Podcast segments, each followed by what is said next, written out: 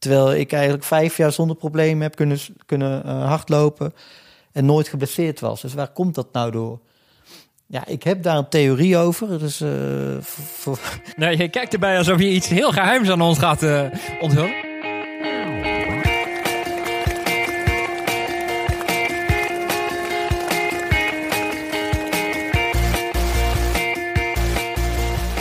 Welkom bij de 31ste aflevering van Suzy Q&A, de podcast over hardlopen, trainingen en wedstrijden. Ik ben Olivier Heimel, hoofdredacteur van Runners World. En naast mij hier op het kleed in Hilversum zit uh, Susan Crummins, de nummer 7 van de wereld op de 10.000 meter. En sportarts Bernard de Bekorst. Welkom.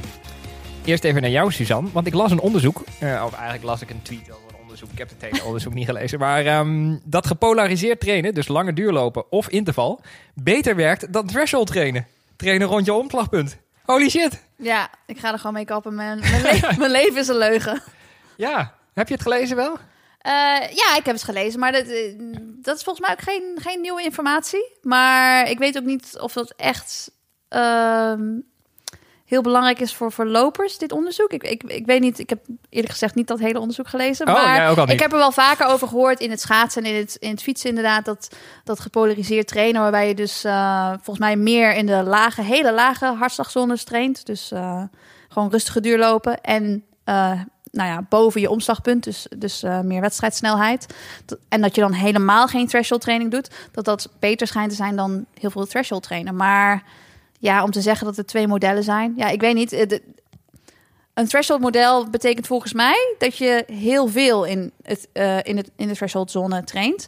En ik heb het wel altijd over threshold. En ik heb het nu ook al een paar keer gezegd. Alleen, alleen als je kijkt naar mijn week. Als ik bijvoorbeeld in een week 140 kilometer train. Als ik daarvan 10 kilometer threshold doe. Dan ben ik niet in het threshold uh, model aan het trainen. Dat is, dat is nog te weinig ja. threshold om het echt... Dus ik denk eigenlijk dat ik er zelf een beetje tussenin zit. Ik denk niet dat ik het, het een of het ander doe. Maar dat het een beetje van allebei is. Je kijkt me heel ja. moeilijk aan nu. Oh, nee, uh, nee, ik zit na te denken. Ik denk dat ik het eigenlijk ook wel goed doe. Ja, maar ik denk in andere sporten, zeg maar in schaatsen bijvoorbeeld... ik snap dat ze dan wat meer op topsnelheid door die bochten moeten trainen... omdat ze, ja, ze moeten efficiënt die bocht door kunnen. Alleen, ja, dat zou hetzelfde zijn als dat wij alleen maar op een indoorbaantje zouden trainen. Dan zou ik dat ook moeten oefenen. Maar nu is dat niet zo relevant. En met het fietsen, ja, dat is geen impactsport. Dus ik snap dat je daar ook wat meer uh, op hoge nou, Ik kan me wel voorstellen, toen ik 800 meter liep... dan deden wij relatief weinig op wedstrijdsnelheid. Mm. Daar keken mensen wel over het algemeen van op. Van, ik, ik, ik moet zorgen dat ik heel hard loop met 25 km per uur... en daarom loop ik heel vaak met 15 km per uur. Dan denken mensen toch, ga ook eens met 25 km per uur lopen. Misschien werkt dat. Ja, je moet natuurlijk wel heel blijven. Dat is wel uh, Ja. een belangrijk punt. Ja, je moet natuurlijk ook af en toe op de baan trainen. Dat wilde ik ook doen, maar de afgelopen weken was dat lastig, want ik had een bizar ongeluk. Ik heb, ben het vorige keer helemaal vergeten te vertellen. Ik was namelijk, ja, jullie lachen nu al, maar het is heel zielig voor me. Ik was,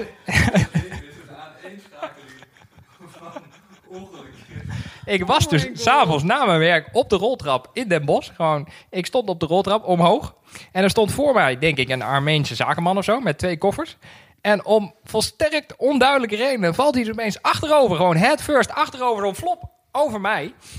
Eh, dus ik ving hem op en ik zei ook gelijk, tijdens zijn vallen heb ik gedacht, hey, dat is een Armeen, dus hij zal wel Engels spreken. Dus ik zei, I got you, I got you. Terwijl hij zo in mijn been hing en die koffer ook nog naar beneden ging. En hij zijn schoen verloor in dit hele incident. Dus die schoen die ging ook nog de lucht in. En toen hingen we dus samen, zeg maar, naar het plafond starend, daar zo langzaam die roltrap op. En toen kwamen we aan boven en toen waren er allemaal mensen die zich over hem ontfermden. Want die arme man was achterovergevallen op de roltrap, wat best pijnlijk is. Maar niemand keek verder naar, naar mij, terwijl ik daar toch onder een Armeense zakenman lag. En toen weet ik nog dat ik naar huis liep met best een pijnlijke knie. En ja, dan wil je eigenlijk iedereen aanschieten met, weet je wat mij net overkomen is? dat verwacht je gewoon niet. Daarom heb je geen baantraining gedaan. Ja, nee, daar heb ik dus heel lang... ja, er zijn mensen die me nog serieus nemen, mevrouw Klummens. Maar, eh ah, fijn. Nou, best blij dat je dat niet eh, overkomen is voor een van je belangrijke wedstrijden. Bernard, jij bent sportarts. Ja, En ik jij ben neemt je- dat ik nu eh, in kan haken. dat al 15 jaar eh, al niet zulke verhalen van jou gehoord. Maar daarvoor was ik ze wel gewend trouwens. Dus wat dat betreft... eh, ja, want jij was ook een, goede loper. We hebben regelmatig tegen elkaar gelopen. ik, was, ik was een goede loper, ja, ooit. Maar, maar je, je loopt nog wel, toch? Ik loop nog steeds, ja. En dat gaat ook, gaat ook prima trouwens. Hoor. Ja, ja, Eh, ja, wel precies. Weer, eh, het gaat wel weer lekker. Je bent nog steeds goed en, en een loper. Want ik heb gewoon heel lang een blessure gehad. Van ehm, vijf jaar geleden heb ik mijn uh, patellapees volledig afgescheurd. Oh jeetje. Dus dat was een eh, wat minder, eh, minder moment. Ook bij een ongeluk? Bij een echt ongeluk? Met eh canicross. Dat is geen Armeense zakenman, maar ik zat vast aan een hond.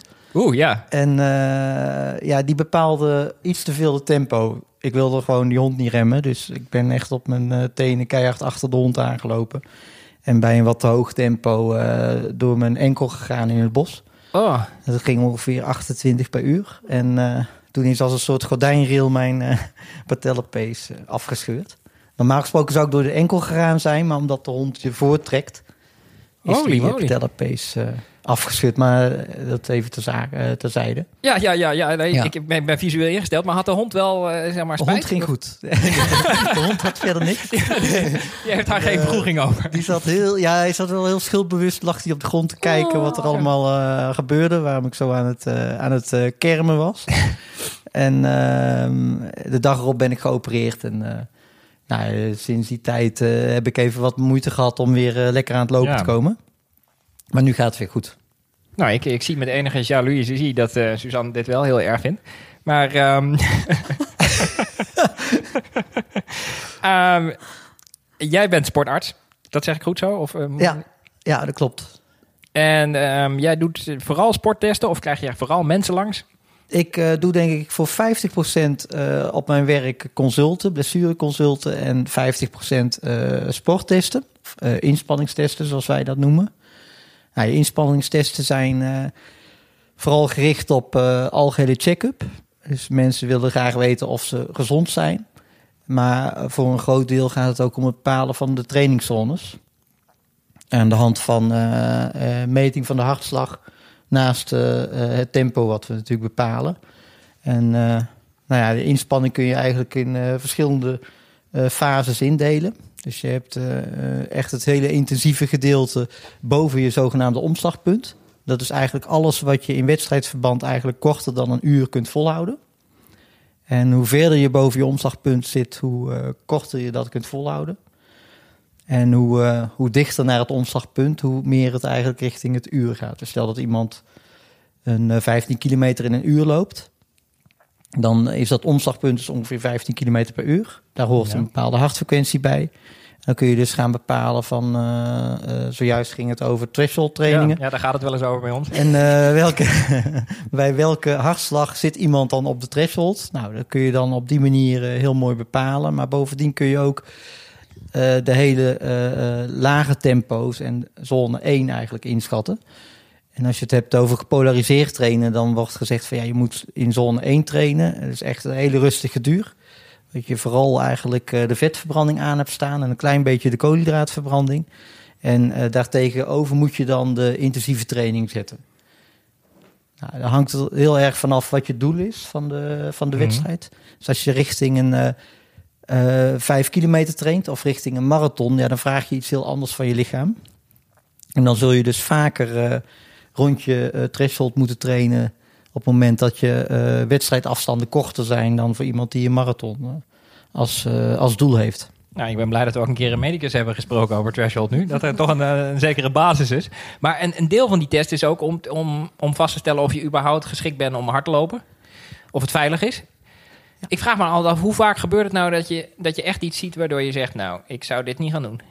Ja, ik Is ben, dat één keer per jaar of is dat... eh, Nou, ik, ik ben laatst eens gewoon eens terug gaan kijken hoe vaak. Het is goed dat je dat zegt. Dat, ik moet altijd achteraf zeggen van... Goh, hoe vaak heb ik dan nou iemand doorgestuurd naar de cardioloog? mhm. Eh, ik doe het even... eh, een klein ja. beetje natte vingerwerk is het. Maar ik, je, je maakt het toch wel vijf, zes keer per jaar mee. Wauw. En nou doe ik ook best wel veel testen. Dus de vraag is dan... eh, hoe groot is dat risico ja. dan überhaupt? En, en in welke leeftijdsgroep is dat? Nou, dat is wel eh, bijna altijd de groep boven de 40. Eh merendeel is wel man. En het zijn ook wel vaak lopers die, eh, die in principe denken... Ik heb, ik heb wel een klacht, ik ben wat kortademig... maar ik zou niet zeggen dat het om mijn hart gaat... maar mijn vrouw wil graag hebben dat ik getest word. Het is altijd die gaat best vaak op die manier. Ja. Dus het is ook wel, eh, het is denk ik, eh, je, je wil eigenlijk altijd jezelf voorhouden van, nou, ik ben sportief en dat heb ik mijn hele leven gedaan en eh, dus er zal niks aan de hand zijn. Maar ook dat is geen, geen garantie. Dus ik kom het toch wel regel, met enige regelmaat tegen. Ja, want ik hoor altijd, eh, je moet je geen zorgen maken over steek in je borst als je, als je arm niet raar voelt. Maar ja, dat is nog best lastig vaststellen. Zo gauw je steek in je borst hebt, denk je natuurlijk van alles.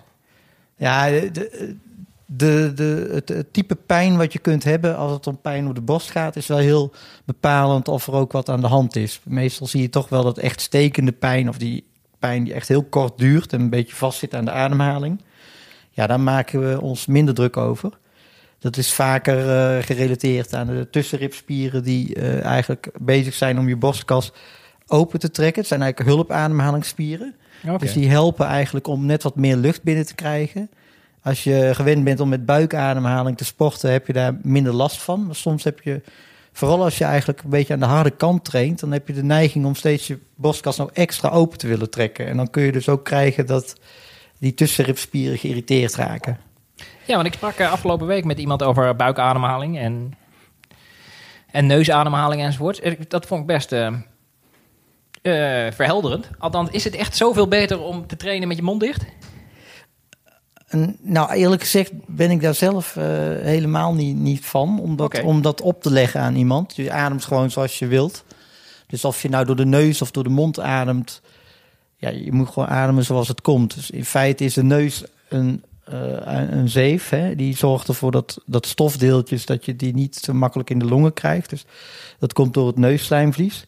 Dus als je overdag eh, rondloopt en je zit bij wijze van spreken 20 uur overdag, of nou 20 uur, mensen slapen vaak al langer dan 4 uur. maar in ieder geval, eh, je loopt eh, overdag een, een uurtje of eh 16 rond. Dan wil je gewoon graag hebben dat je over het algemeen door de neus ademt om te voorkomen dat er grotere stofdeeltjes Ja. in je longen terechtkomen. Maar als je gaat sporten, dat doe je anderhalf uur bij wijze van spreken. En op een gegeven moment vraag je gewoon meer lucht. Ja, dan moet je gewoon eh, je mond open eh, eh, houden. Tenminste, als- je Ja. dat prettiger vindt, dan doe je dat. Dus dan is het heel kunstmatig, eh, mechanisch, eh, alleen bij de inademing door de neus en door de mond uit, wat je heel vaak hoort. Ja. Dat is denk ik niet zo goed om aan, aan vast te houden. Want vaak zie je daar heel geforceerde adempatronen door. Suzanne, adem Ja. jij door je neus? Dat weet je toch, als je mij ziet lopen. Nee, eh, ja, ik zou zeggen open mond. Als Ja, ik zo een beetje de foto's... open eh, mond, ja. ja. Nee, die, ik- ongetwijfeld doet die neus van mij mee. Maar het is, eh, ik adem inderdaad meestal gewoon door mijn mond. Ja. Nou, Dat eh, meen ik ook al gezien te hebben. Ehm, ja, wat ik me Nou, ook nog afvroeg, dus. jij, krijgt, Ja. jij ziet natuurlijk heel veel klachten. Is dat vooral knieën? Is dat vooral schenen? Is dat vooral enkels? Eh, knie komt wel echt heel veel voor. Eh, ik denk dat eh, knie samen met, eh, ehm, eh, met de scheen op één staat. En dan komt de enkel. En eh, eh, net nog wat minder de heup of de hamstring. Wow, ik heb de Achillespees nog niet gehoord. Of, Ja, of is, neem je dat mee in de enkel? Suzanne's persoonlijke ja, favoriet. het- het- ja. nou, ik, ik, ik deel nu een beetje naar lichaamsdeel in. Mm. Dus eigenlijk naar, naar gewrichten. Ja. Er komt ook, dat, dat is ook een beetje de, mijn visie hoe ik naar blessures kijk. Ik ga eigenlijk eerder vanuit het gewricht. Eh, bekijk ik welke blessures eh, er ontstaan. Daar zit dan een spier aan vast en er die zit kan een pijn spier doen. aan vast en, en een Achillespees en een kuitspier die beïnvloedt het enkelgewricht. Maar je kunt je voorstellen als het eh, gewricht niet helemaal op de goede plek staat, eh, niet helemaal lekker beweegt, dan raakt die spier daar ook van gestrest of geïrriteerd. Dus die spier die staat dan extra strak gespannen. Soms zie je zelfs dat het helemaal niet gespannen staat, terwijl het zou, wel zou moeten. En, eh, en, en dan zie je dus dat dat de Achillespees ook eh, meedoet. Maar meestal betekent het dat de enkel eh, niet goed beweegt. Ik denk dat dat ook de eerste oorzaak is van hoe een Achillespeesblessure ontstaat. Als het lang genoeg duurt, ja, dan is die Achillespees ook wel echt beschadigd, zeg maar. Of dan is er ook echt schade aan de Achillespees. Ik, eh, Ja, ik ben het hiermee eens. Ja, weet je, niemand heeft een, een slechte Achillespees. Maar je kunt wel een slechte Achillespees krijgen... doordat er inderdaad iets in de keten gewoon niet goed loopt. En natuurlijk de enkel, dat is, dat is dichtbij. Maar ik denk zelfs verder in de keten natuurlijk ook... Ja, dat voor het de enkel. kan worden. Maar Ja, precies. De Ja. enkel beweegt bijvoorbeeld niet lekker als de, eh, als de knie ook niet goed beweegt. Mm. De- de- de- de- die twee gewrichten die worden met elkaar verbonden via het kuitbeen ja, eh, en het scheenbeen. En eh, aan het kuitbeen zit de hamstring weer vast. Je kunt je voorstellen, als het bekken niet goed beweegt, raakt de hamstring daar eh, geïrriteerd van. Want de hamstring die hecht ook weer aan aan het bekken. En zo heb je dus eigenlijk je keten eh, geproduceerd. Ik denk vaak wel vanaf het bekken naar beneden en eventueel naar boven. Maar om echt vanuit het, de borstwervelkolom of vanuit de nek helemaal te gaan redeneren naar beneden. Dat gaat me soms wat te ver, maar eh, vanaf, eh, vanaf het bekken naar beneden, dat, dat, eh, daar zie ik wel heel duidelijk verbanden. Want er zijn ook fysio's die alles op de rug... Ja, het bekken, onderrug, daar bedoel ik eigenlijk hetzelfde mee. ja. Dat is een kwestie van visie ook weer. Want als je gaat denken van ja, het bekken staat niet recht, dan gaat het erom in welke richtingen staat het bekken dan niet recht. En kan jouw rug met het heiligbeen eronder, dus het sacrum, het heiligbeen, Mhm. waarop dan alle wervels gestapeld staan, kan dat dan wel recht staan als het bekken al niet recht staat. En Ja. Dan krijg je vanzelf je rugprobleem. Je zou ook kunnen zeggen van ja, ik begin in de rug met mobiliseren, want dan komt het bekken ook recht te staan. Dat is, dat is dus een beetje een kwestie van visie. Ik ben zelf overigens, dat vertel ik wel vaker, een enorme fan van dry needle. Ik zou het liefst nog mijn, eh, mijn denkpatronen dry needelen. Maar is dat iets waar jij ook enthousiast over bent? Eh, ja, nou, ik- dry needling is, is zeker een, eh, een optie op het moment. Ik redeneer eerder van eerst moeten de gewrichten goed staan. Heb je dan toch nog een heel erg gespannen spier, dan kun je dat blijkbaar niet direct omdraaien of kun je dat blijkbaar niet resetten. Dan helpt dat dry needelen om die spier te resetten. Eh, dat, dat, dan vind ik het een Ja. hele nuttige eh, eh, toevoeging. Maar dat scheelt jou ook heel veel tijd aan masseren en zo, toch? Ja, zeker. Ja, ja, ja, nou masseer ik zelf heel weinig hoor. Oh. Nou, het scheelt iemand tijd aan masseren. ja, Ehm, precies. Zo, zo kun je het wel zeggen. Ja. En zie jij nou Ja. in je praktijk ook dat, dat er veel meer mensen van 40, 50, 60 binnenkomen dan jonge mensen? Of heeft gewoon iedereen pijn? Ja, iedereen heeft pijn. Het was ook wel, eh, ja, misschien wijd ik nu iets te veel uit hoor, maar eh moet ik maar gewoon zeggen. Ja, ja. Eh, als, je, als je bij wijze van spreken eh, kijkt, dan zie je dat zowel jongeren als ouderen, zelfs ook eh, pubers of eh, kinderen van 12, 13 jaar, die kunnen gewoon een volwassen probleem hebben. Dus ook eh, eh, een, eh, een bekkenscheefstand of een iliosacrale dysfunctie, zoals ik het noem.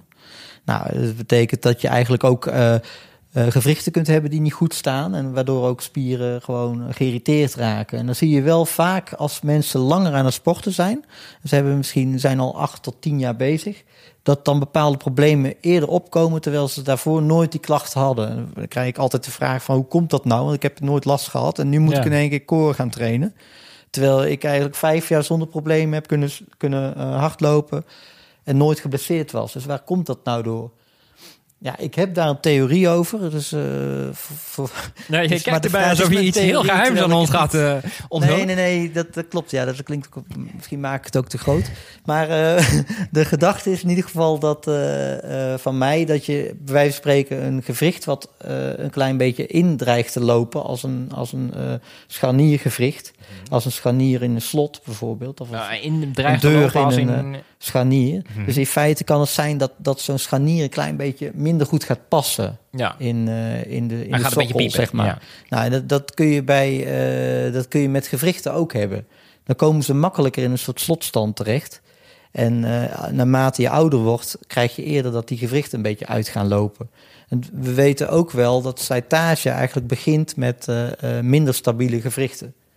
De manier om het gewricht weer stabiel te krijgen is extra botvorming, zodat het gewricht weer stabiel is. Ah, Dus je kunt eigenlijk, ik zie het een beetje als een soort pre-slijtage. Zonder te willen zeggen dat alle mensen met die vaker dit soort klachten krijgen, slijtage gaan krijgen. Sommigen blijven gewoon in dat pre-stadium hangen, zeg maar. En, eh, dus ik zie het meer op die manier. dus het is onze opdracht om allemaal een beetje stabiel te blijven. Vat ik samen. Ja, nou, het meest stabiel kun je blijven door, eh, door de spieren gewoon goed te trainen, die die gewrichten aansturen. En ik denk dat je daarmee misschien ook wat eh, zogenaamde pre-slijtage, zoals ik het dan noem, eh, voorkomt. Ja. Maar je kunt, je kunt je wel voorstellen, als je jong bent, dan is- het gewricht en het kapsel en eh, de, zee- of de peesuiteindes, die zijn allemaal nog heel strak. Dus ja. gewricht loopt gewoon makkelijker. Je kunt je wel voorstellen als je ouder wordt dat het allemaal wat minder, dat, dat toch een beetje uit gaat lopen. Merk jij dat, Suzanne? soepeler wordt. Nou, niet door mijn leeftijd in ieder geval. Misschien door mijn trainingsarbeid. Omdat ik als ik meer train en meer kilometers loop, dan nou ja, merk ik natuurlijk wel dat ik meer pijntjes heb. Maar Geen uitgelopen gewrichten. ik gok niet dat dat het is. Nee.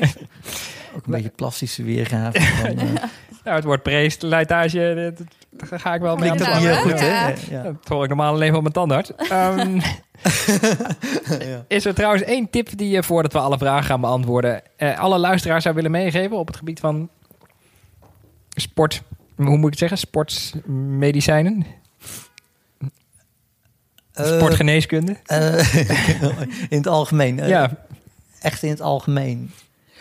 Oeh. Nou ja, eh, luister naar je lichaam. Dat is de, een van de belangrijkste, denk ik. Ehm, het, het, je moet eigenlijk je lichaam vooral onderbelasten. Dus niet overbelasten, maar onderbelasten. Daarvoor moet je wel weten. ja het dat klinkt een beetje tegenstrijdig. Want ik zeg altijd, trainen is gewoon een soort overbelasten van je lichaam. En dan denkt je lichaam, hé, hey, nou, als we dit vaker gaan doen... dan moet ik wel zorgen dat dit en dit wat beter geregeld is. En dan word je sterker. Maar jij zegt eigenlijk, niet Ja. doen. Ja, nou ja, weet je, het is onderbelasting in de zin van dat de gewrichten moeten blijven lopen, zeg maar. Die moeten gesmeerd blijven. En eh, dan heb je ook eh, dat blessures zich kunnen oplossen.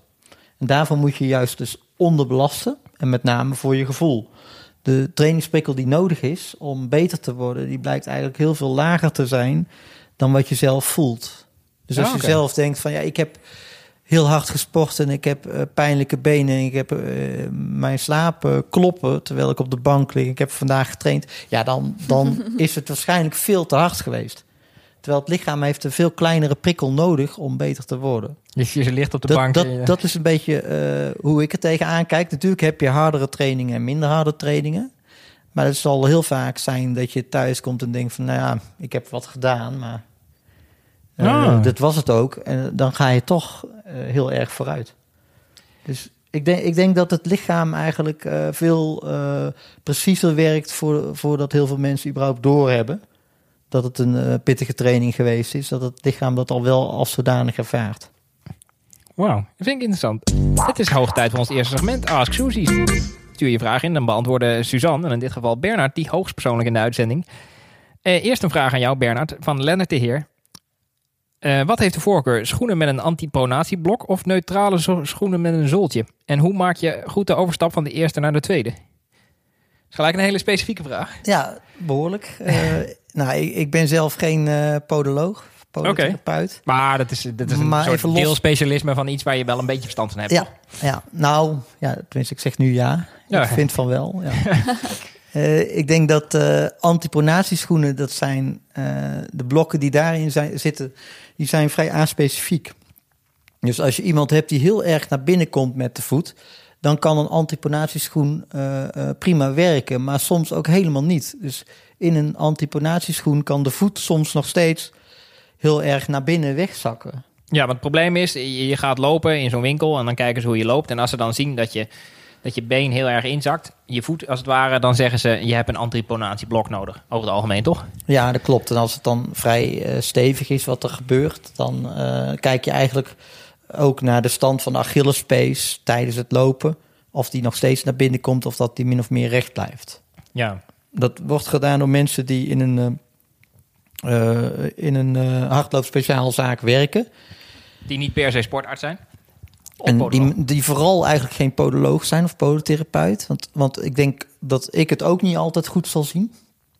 Maar het is moeilijk, want soms Het is zak je in, maar is het niet heel erg, toch? Ja, ik ben zelf iemand die reactief eh, iets doet. Dus wil zeggen, je moet eerst klachten hebben. Anders ga ik helemaal niks doen aan, ook niet aan een platvoet. Omdat, eh, of een platvoetneiging, voet die wat meer naar binnen komt. Dat accepteer ik als iemand daar nooit klachten van heeft gehad.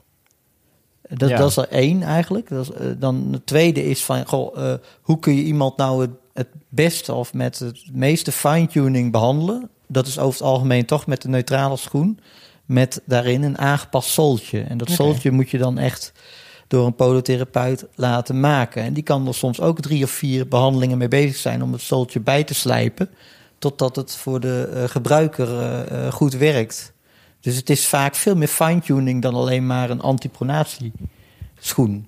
Heb jij een zooltje eigenlijk, Suzanne? Ja, ik heb een zooltje. En eh, eigenlijk liep ik eerst altijd eh, op een schoen met een antipronatieblok, een stuk de Trix. En uiteindelijk had ik inderdaad problemen. En toen ben ik eh, veranderd naar de Pegasus, neutrale schoen. En met een zooltje erin. En inderdaad, dat, dat was, ja, het kost wel even tijd om dat weer bij te schaven. En op de goede manier, dat ik geen blaren kreeg, maar dat ik wel ondersteund werd. Vooral bij die voetboog. Um, en dat is uiteindelijk inderdaad voor mij wel de oplossing geweest. En inderdaad, dan, dan kun je veel specifieker de voet sturen. Want zo'n antipronatieblok is natuurlijk eigenlijk gewoon te algemeen.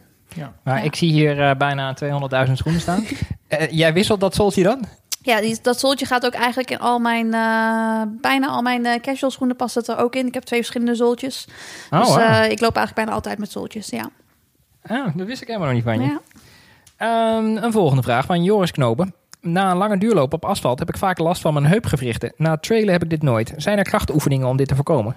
Dus volgens mij dat je op de grond gaat liggen en dan zo je benen... Ehm, ja, de, de heupen. moet- Dat, het lastige vind ik altijd als iemand zegt: Ik heb last van de heupen. Dat dat echt op allerlei plekken kan zitten.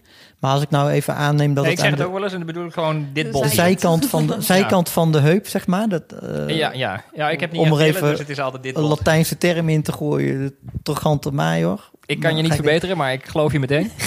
Nou, die, die, ja, nou ja, de, de- dat is meestal kracht van de, eh, van, van de bilspieren trouwens, van de, van de middelste Oké. bilspieren in, in het Nederlands. En dit, dat is echt perfect eh, aan te pakken, eventueel met een elastiek rond de benen en dan een squat te maken. Dus je kunt squatten met een elastiek rond de benen, zodat je eigenlijk toch je knieën een beetje naar buiten moet duwen tijdens het squatten. En je kunt ook denken aan een schaatspas, waarbij je ook een elastiek rond de bovenbenen hebt en dan zijwaarts passen gaat maken. Ja, ik, Dit is het activeren, hè, waar ik het dus altijd over ja heb. en ik, Ja. doe- ik probeer dat ook wel eens te doen. Maar ik denk dan wel, er is een stemmetje in mijn achterhoofd die zegt... Wel, welke, welke prehistorische beweging doe ik nu na, zeg maar? Want er, moet- er moet toch een soort basis zijn dat het goed is voor de mens om dit te doen. Wat, wat deze in hemelsnaam in de, steen, in de stenen tijdperk, wat hierop leek... waardoor ik dit nu moet doen, terwijl ik het anders niet zou doen. Ik denk veel meer klimmen en veel meer heuvel oplopen. Ah, Dus ik, ik, ik vermoed dat, dat je toch, als jij nu in het bos gaat lopen, dan doe je dat één keer in de week. Soms ook is het een, wat ik net ook al zei, underload is altijd goed. Maar is het toch eigenlijk relatieve overload? Want je doet dat één keer per week. Terwijl anders was je al lang 15 kilometer per dag door de bossen aan het sjouwen. dus als ik meer als, zou klimmen, eh, dan als ik oermens, zeg maar. Ja, En dus, dus je mist eigenlijk gewoon de eh, basale kracht die je eh, overdag onderhoudt. Ah. En eh, een vraag van ehm, Lucy NL Runs. Past nachtzweten bij een fix trainingsschema? En wat kun je eraan doen? Ik vind het ook heel erg lastig, want nachtzweten is voor de me- meeste mensen die geneeskunde gedaan hebben altijd een. eh, eh, dat, dat zou je kunnen zien als een alarmteken, maar dan moet je altijd afvragen wat, wat, wat wordt er nou met nachtzweten bedoeld? Nou, dat je heel hard zweet in je slaap, dat je wakker wordt. Zoals ik laatst bij de marathon, dat je, dat je zwetend wakker wordt, denk ik. Dat is het een beetje. Ja, ja als, dat, als dat vaker voorkomt, dan is het toch reden om een huisarts te bezoeken. Oh, en eh, eventueel eh, een keer eh, goed bloedonderzoek te laten plaatsvinden. Als het ehm, gaat om flink zweten ehm, en dat dat ook wel s'nachts gebeurt, dan zou het ook nog wel kunnen passen bij wat verhoogd stresshormoon. Dus cortisol kan wat Ah. verhoogd zijn. En dan, dan moet je er toch ook een beetje voor waken dat je eigenlijk jezelf niet te zwaar aan het belasten bent. Eh, behalve dat de spieren te zwaar belast kunnen worden, krijg je op een gegeven moment, als de spierbelasting heel groot is, dat er ook eh, ontstekingseiwitten vrijkomen eh, in het bloed. Daar worden je hersenen heel moe van. Dus normaal gesproken roep je jezelf tot de orde en heb je zoiets van: ik neem even een rustdag. Maar ja, je zit in een schema voor een marathon, dus ga je door. Als je dan door blijft gaan, dan zie je dat op een gegeven moment van, vanuit de hersenen er een signaaltje gaat via de hypothalamus, hypofyse, naar de verschillende eh, orgaansystemen in het eh, lichaam. En daar horen ook de bijnieren bij, waardoor het cortisol eigenlijk continu hoog blijft. En het cortisol is een bijnierhormoon is een stresshormoon. en een stresshormoon. En dat kan er wel voor zorgen eh, dat je eigenlijk een, ja, dat je veel klachten hebt van zweten. En ook een wat hogere hartslag.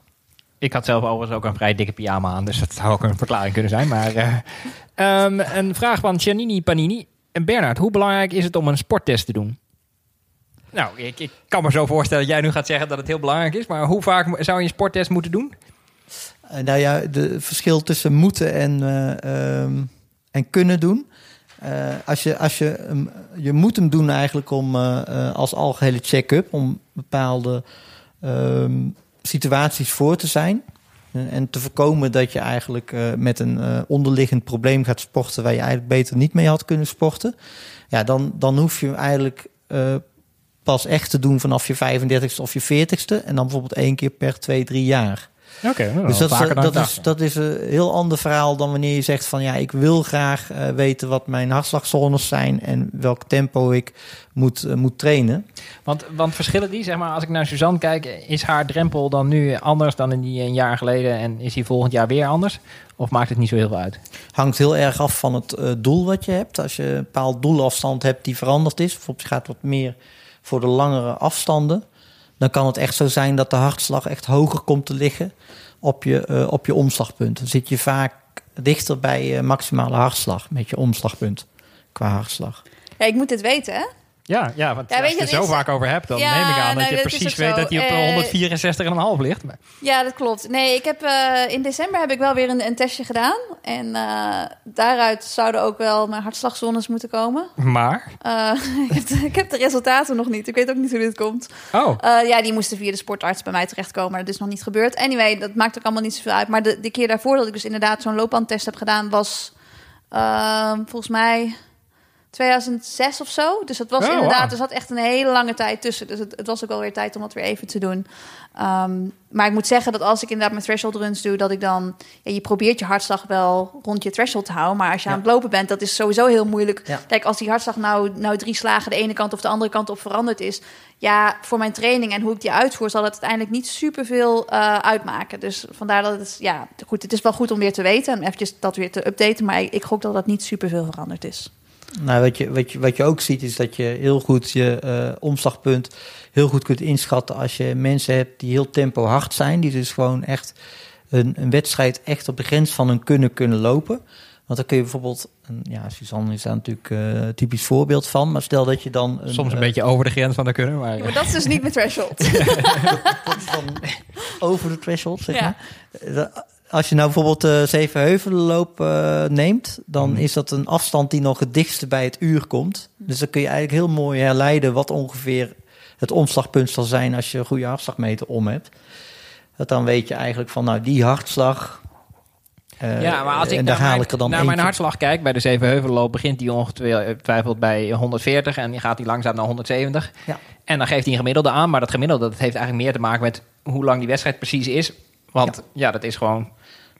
Ja, mijn, mijn als die langer ervaring, duurt, dan heb ik langer met een hoge hartslag gelopen. Dus ik, ja, Mijn ervaring is dat je in, in het begin moet je ook even niet kijken. Je moet eigenlijk het gemiddelde pakken over de hele wedstrijd.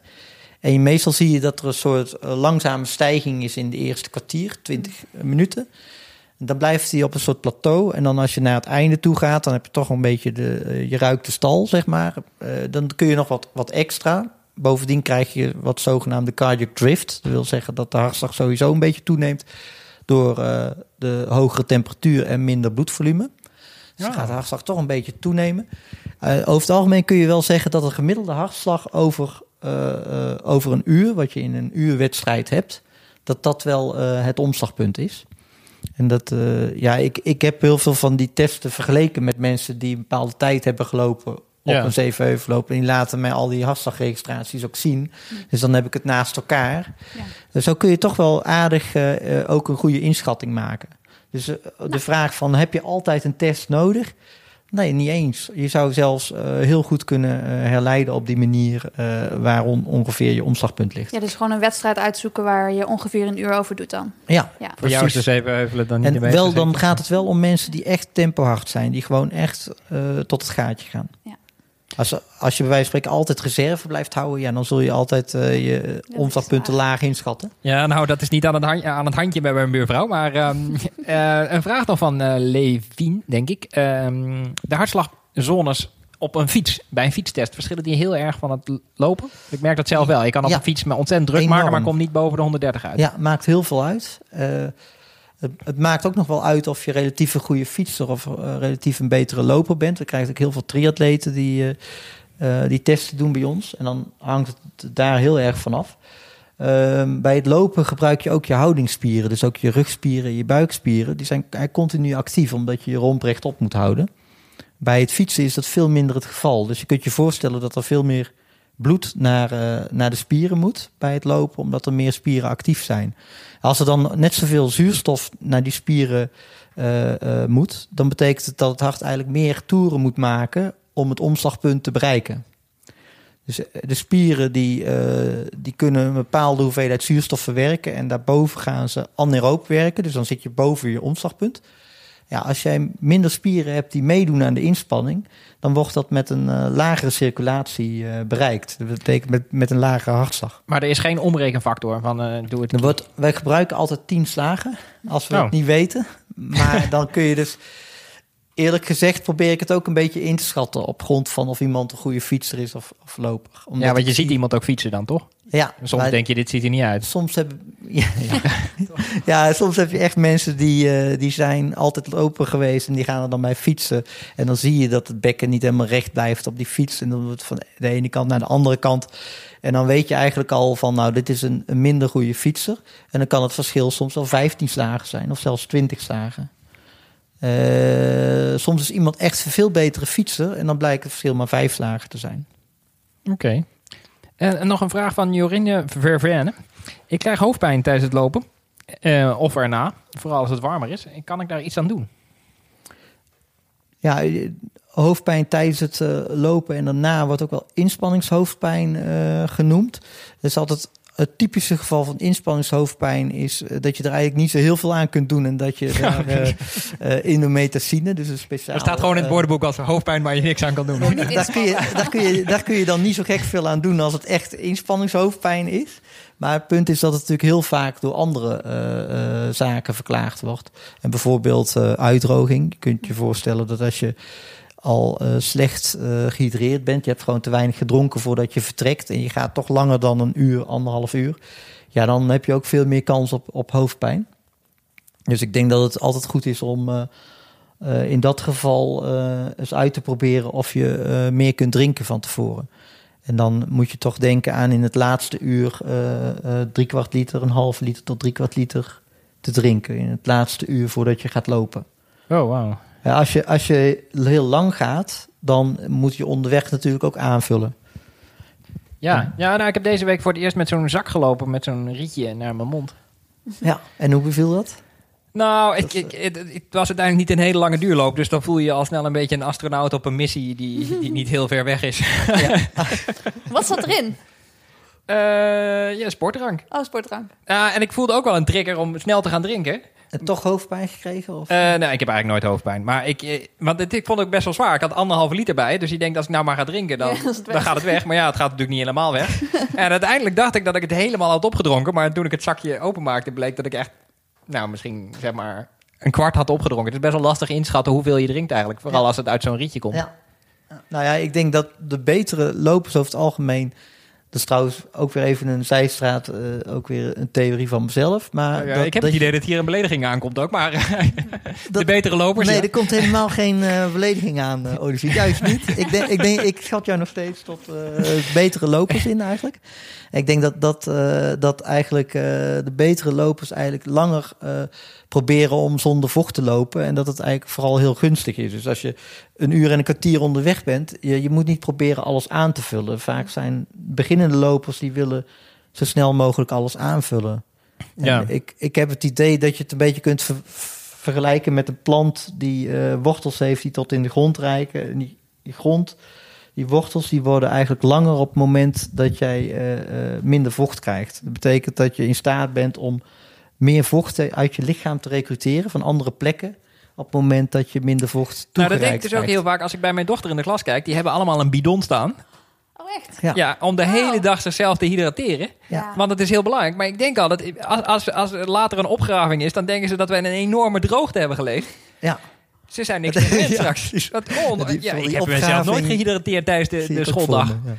Dus daar heb ik wel een beetje gelijk mee. Dat je, dat je jezelf Ja, ook een ik- beetje... Ik, ik denk echt dat het zo werkt. Je moet het een beetje vergelijken met een cactus. Die heeft natuurlijk veel minder. Ik, je moet Ik jezelf. denk meteen aan mijn dode cactussen die zijn al tien jaar dood of zo. Ja, jij hebt het overdreven. Ja, maar het is wel goed Ik voor een het cactus om niet te veel water Maar te je hebt ook dode ook varens. Hè? Dus, eh, ik heb een dode varen thuis. Dus, eh, nee, dat onderschrijft jouw theorie misschien niet, maar over het algemeen is het, is, is het beter om jezelf te trainen in. Ja, ik, ik denk dat het wel eh, beter is om jezelf daarin te trainen. Omdat je dan eh, zelfs ook beter overweg kunt met overvulling. Net zo goed als ondervulling. Er is ook wel een studie naar gedaan. In Amerika was op een gegeven moment. de gewoonte om iedereen aan te raden. Ja. elke, elke post, en dat betekent in Amerika in de marathon elke mijl, dat je daar eh, wat zou gaan drinken. En Dat zijn, er eh, dus- dat zijn er 25 posten dan daar. ja, klopt. En er zijn dus inderdaad een aantal mensen aan eh, eh, overvulling eh, overleden. Maar door uitdroging is eigenlijk nog nooit iemand in de wedstrijd overleden. Dus het is wel heel belangrijk Want als je, om zeg maar, verschil, eh, als, je, eh, als je neervalt tijdens een eh, marathon, dat zien we natuurlijk wel eens, dat je een beetje gaat waggelen zo aan het eind, dat is niet een vochtprobleem. Of, of Over het algemeen, eh, eh, dat komt natuurlijk wel eens voor. Het kan, kan Ja. natuurlijk wel. Je kunt natuurlijk echt eh, oud raken omdat je gewoon te weinig gedronken hebt en hyperthermie hebt, echt een te hoge temperatuur hebt. Maar je overlijdt dat- er niet zo snel Dat, aan. daar overlijd je niet eh, eh, eh, zo snel aan. Terwijl overvulling is een gezondheidskundig een veel groter probleem. Daar doe je heel weinig aan. Dan Maar krijg het je gebeurt ook relatief weinig, toch? Want de meeste mensen zullen op een gegeven moment ophouden met drinken als ze denken, nu heb ik echt wel genoeg gehad. Ja, in het algemeen wel. Maar de groep die jij net noemt, en ik zie het dus ook wel in de sportschool, dat bij de minste of geringste inspanning alles aan willen vullen met vocht. Dat dat wel eh, ja, een risico met zich meebrengt dat je dat gedrag dan ook vertoont tijdens een eh, wedstrijd. Veel mensen wachten dus niet op de dorstprikkel. Zou je zeggen, ja. Ja. dat is ook goed. Je hoeft ook niet te wachten tot je echt dorst hebt. Maar eh, dat betekent ook dat je niet goed meer aanvoelt hoeveel vocht je eigenlijk nodig hebt. Nou, ik eh, ga voorlopig niet meer met een waterzak op pad. Eh, Hey, moet je voor, als, nog, eh, als je moet je voorstellen, als je vijf uur of zes uur over de marathon doet, hoeveel vocht je nou werkelijk verliest? Want hoeveel snelheid ontwikkel je en hoeveel eh, eh, energie per uur ben je aan het leveren? Dus je Oh, moet, je moet, of eh, ben je aan het verspillen eigenlijk? Hoeveel energie kost dat eigenlijk? En hoeveel warmte wordt daarbij geproduceerd? Dus je moet je ook afvragen hoeveel je eigenlijk wel. Eh, hoeveel je dan moet aanvullen. En als je dan inderdaad iedere mijl aanvult.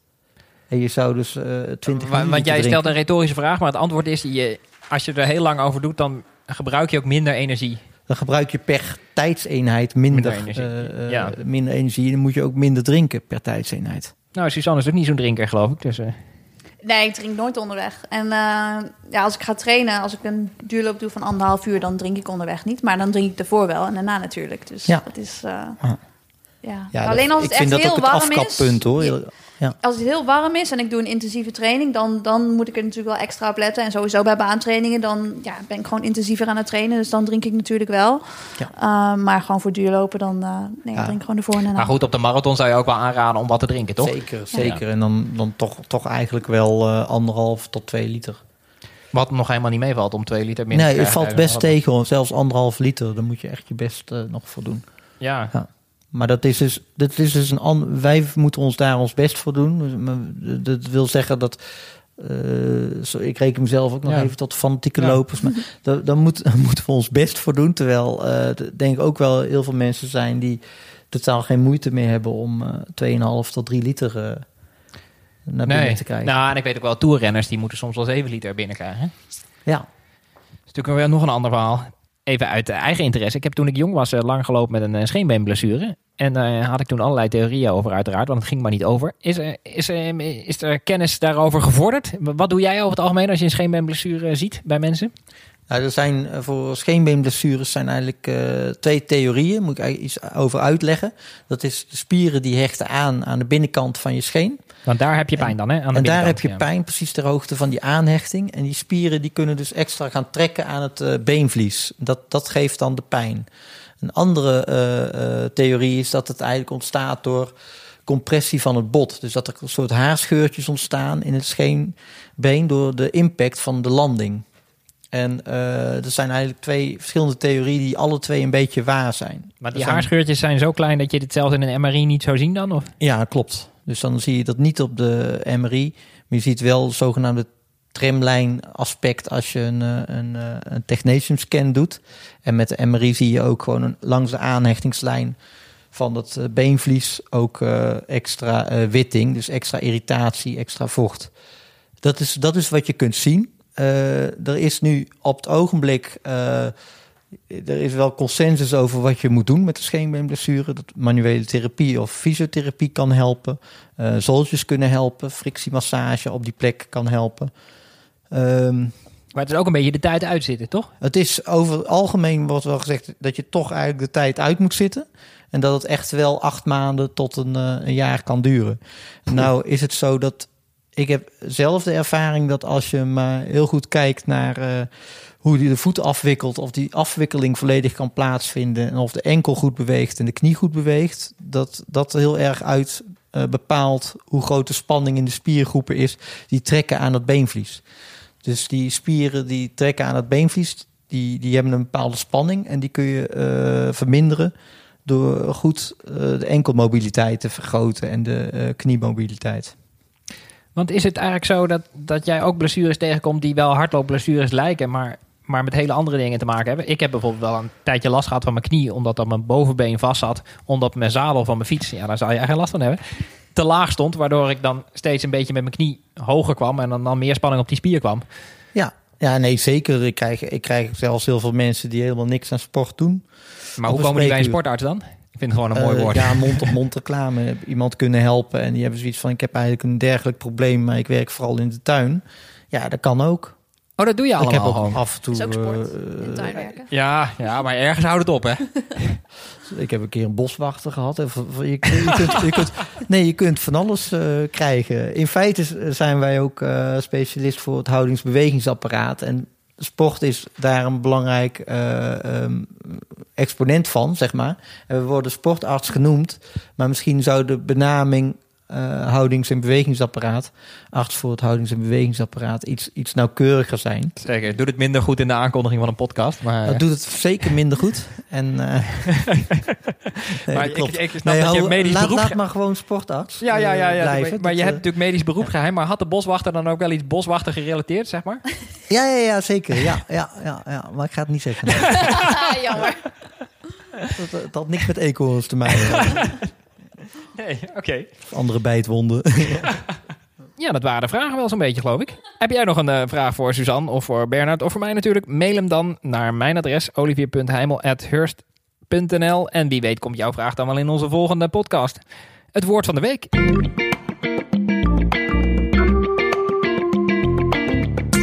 Corona.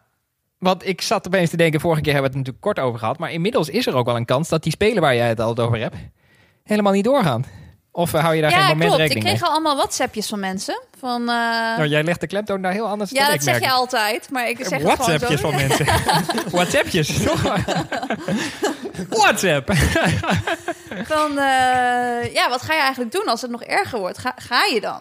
Ehm, Nou, het is nog even weg hè, voor de, voor de luisteraar. Het is sowieso. augustus. En het is sowieso, ik denk dat het eerder dan wordt afgelast. Dat ze zeggen in Japan van ja, dit is allemaal te gevaarlijk, we gaan het gewoon niet doen. Of dat NOC-NSF besluit, we gaan geen team sturen, want het is te gevaarlijk. Ik denk niet echt dat ik die keuze moet gaan maken. Ik denk dat het wel voor mij gemaakt wordt. Dus als het allemaal doorgaat, dan ga ik ook gewoon en dan is het oké. En eh, nou ja, we zien wel. Ik heb gelukkig New York, eh, New York Haven. Dan heb ik alvast dat om naartoe te leven. Ja, en zeker. dan zien we daarna wat er gebeurt. Ja, nou, eh, ik hoorde dat president Trump, dat is niet mijn medische kompas, maar toch zei van waarschijnlijk wordt het lente en gaat deze griep weer voorbij. Maar zo zijn het toch niet helemaal te zijn, toch? Het is niet automatisch, ik kijk even naar de medicus in, Ja. in ons midden, zodat dat ieder griepvirus... Nee, nee. Dit is toch wel... eh, ehm, nee, ik mag hier trouwens ook helemaal niks over zeggen. Ik ben geen Nee, maar als wij er al iets over mogen zeggen, dan Maar, mag jij er eh, zeker iets over zeggen. Eh, ja, nou, Gewoon als mens. Ja, het, is heel lastig. Elk virus gedraagt zich anders. En als je een virus hebt wat zich wat trager uitbreidt van, van mens tot mens, dan kun je ook ervan uitgaan dat het ook langer zal blijven hangen. Ja, want een gevaar is ook dat het, dat het in veel gevallen helemaal niet zo ernstig is, waardoor het zich ook makkelijker verspreidt, toch? Ik bedoel, als, het gelijk, als je gelijk heel ziek van wordt, dan kom je niet meer buiten. Maar hier word je niet gelijk heel erg ziek van, waardoor Nee, meer mensen precies. over straat lopen Zitten- met het virus. Er zitten eh, twee eh, facetten aan eigenlijk. Precies wat jij zegt. Als je er niet direct dood aan gaat en die kans dat je eraan doodgaat is een stuk kleiner dan met heel veel andere virussen, dan eh, ben je ook niet geneigd om altijd binnen te blijven. Eh, aan de andere kant is het een virus wat wat eh, minder makkelijk eh, andere mensen infecteert. Dus het, het, het gaat wat minder makkelijk van de een tot, tot de ander. En dat betekent ook wel weer dat het hele reservaat of reservoir voor dat virus om terecht te komen ook minder snel uitgeput is. Dus het Ja. betekent dat het ook langer kan blijven hangen. Ja, het is op zich ik, ik, ik zou het verder niks over durven zeggen. Nee, Voor, ja, eh, wat de betreft, eh, maanden wel de- merken. De spelen.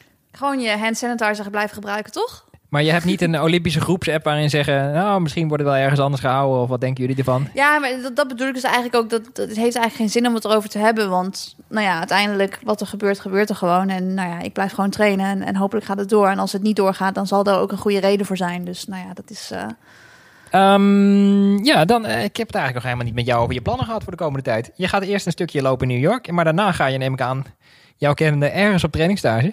Eh, ja, ik ga weer naar Flagstaff. Dus eh, ik heb hier een groepje met een paar Australische, Nieuw-Zeelandse atleten. Ehm, en dan gaan we een maandje daar trainen op hoogte. Oh, wat heerlijk. 2000 meter, ja. Ja, heerlijk. Wordt wel hard werken, maar wel leuk. En wanneer is dat? Dat is in april, dus ik ga eigenlijk vlak na de Rotterdam Marathon.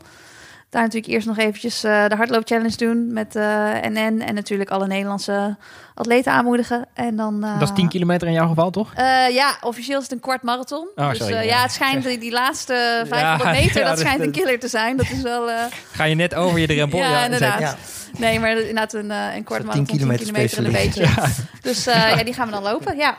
En dan na een maandje weg. En dan kom je in bloedvorm terug als het goed is voor... eh, Ja, maar welke wedstrijd ik dan ga lopen, dat, dat weet ik nog niet precies. Ik wil natuurlijk wel ergens ook nog een 5 kilometer lopen. 10 kilometer heb ik de limiet, 5 kilometer moet nog. Uh, maar ik heb de planning verder nog niet gemaakt. Wat is de limiet eigenlijk? Ja, dat is een goede vraag. Dat weet ik eigenlijk niet. Oh, die hangt hier niet ergens groot. Nee, het is, het is wel een tijd die ik al gelopen heb. Dus uh, het is niet sneller Zo dan... ergens rond een kwartier.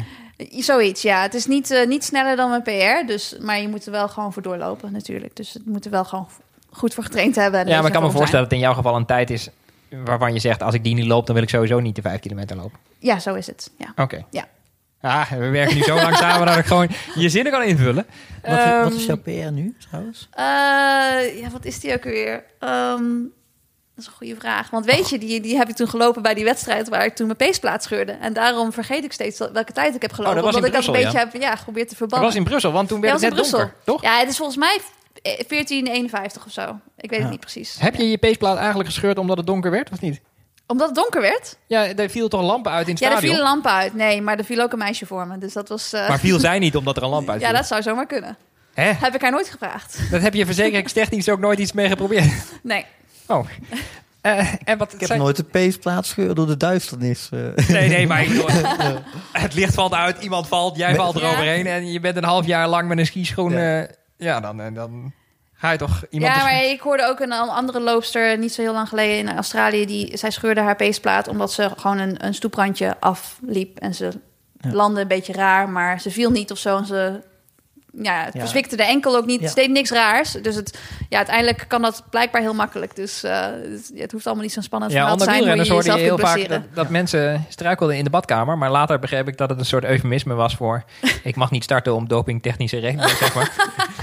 dus ik altijd, altijd maar heel erg goed opletten in die badkamer. Gebeurt hier kennelijk regelmatig, maar uh, dat was toch niet helemaal aan de hand. Heb jij nog uh, plannen de komende tijd op wedstrijdgebied? Ja, ik, uh, ik wil drie marathons gaan lopen, waarvan wow. eentje uh, wel uh, voor mezelf dan serieus. Mm -hmm. En twee keer ga ik hazen. En Iemand. welke worden dat? Dus Rotterdam hazen en in Hamburg. En dan in Leiden wil ik zelf weer eens een keer een beetje doorlopen. En dat is in juni Leiden? mei. 11 oh, ja, mei. Ja, dat is, ja. Dat is de, de marathon met de fantastische URL marathon.nl volgens mij. Die willen we allemaal wel, ja. Oh ja? Tik maar eens in. Oh, nou, dan moet ik nog even kijken dan. ja. ja. Nou, en uh, zo zijn we helaas aan het einde gekomen van deze 31ste aflevering van Suzy Q&A. Dank Volkert, onze technicus van Dag en Nacht Media. Dank Bernard en Suzanne. En dank u, beste luisteraar, voor het luisteren. Ook namens Suzanne, blijf luisteren en lopen.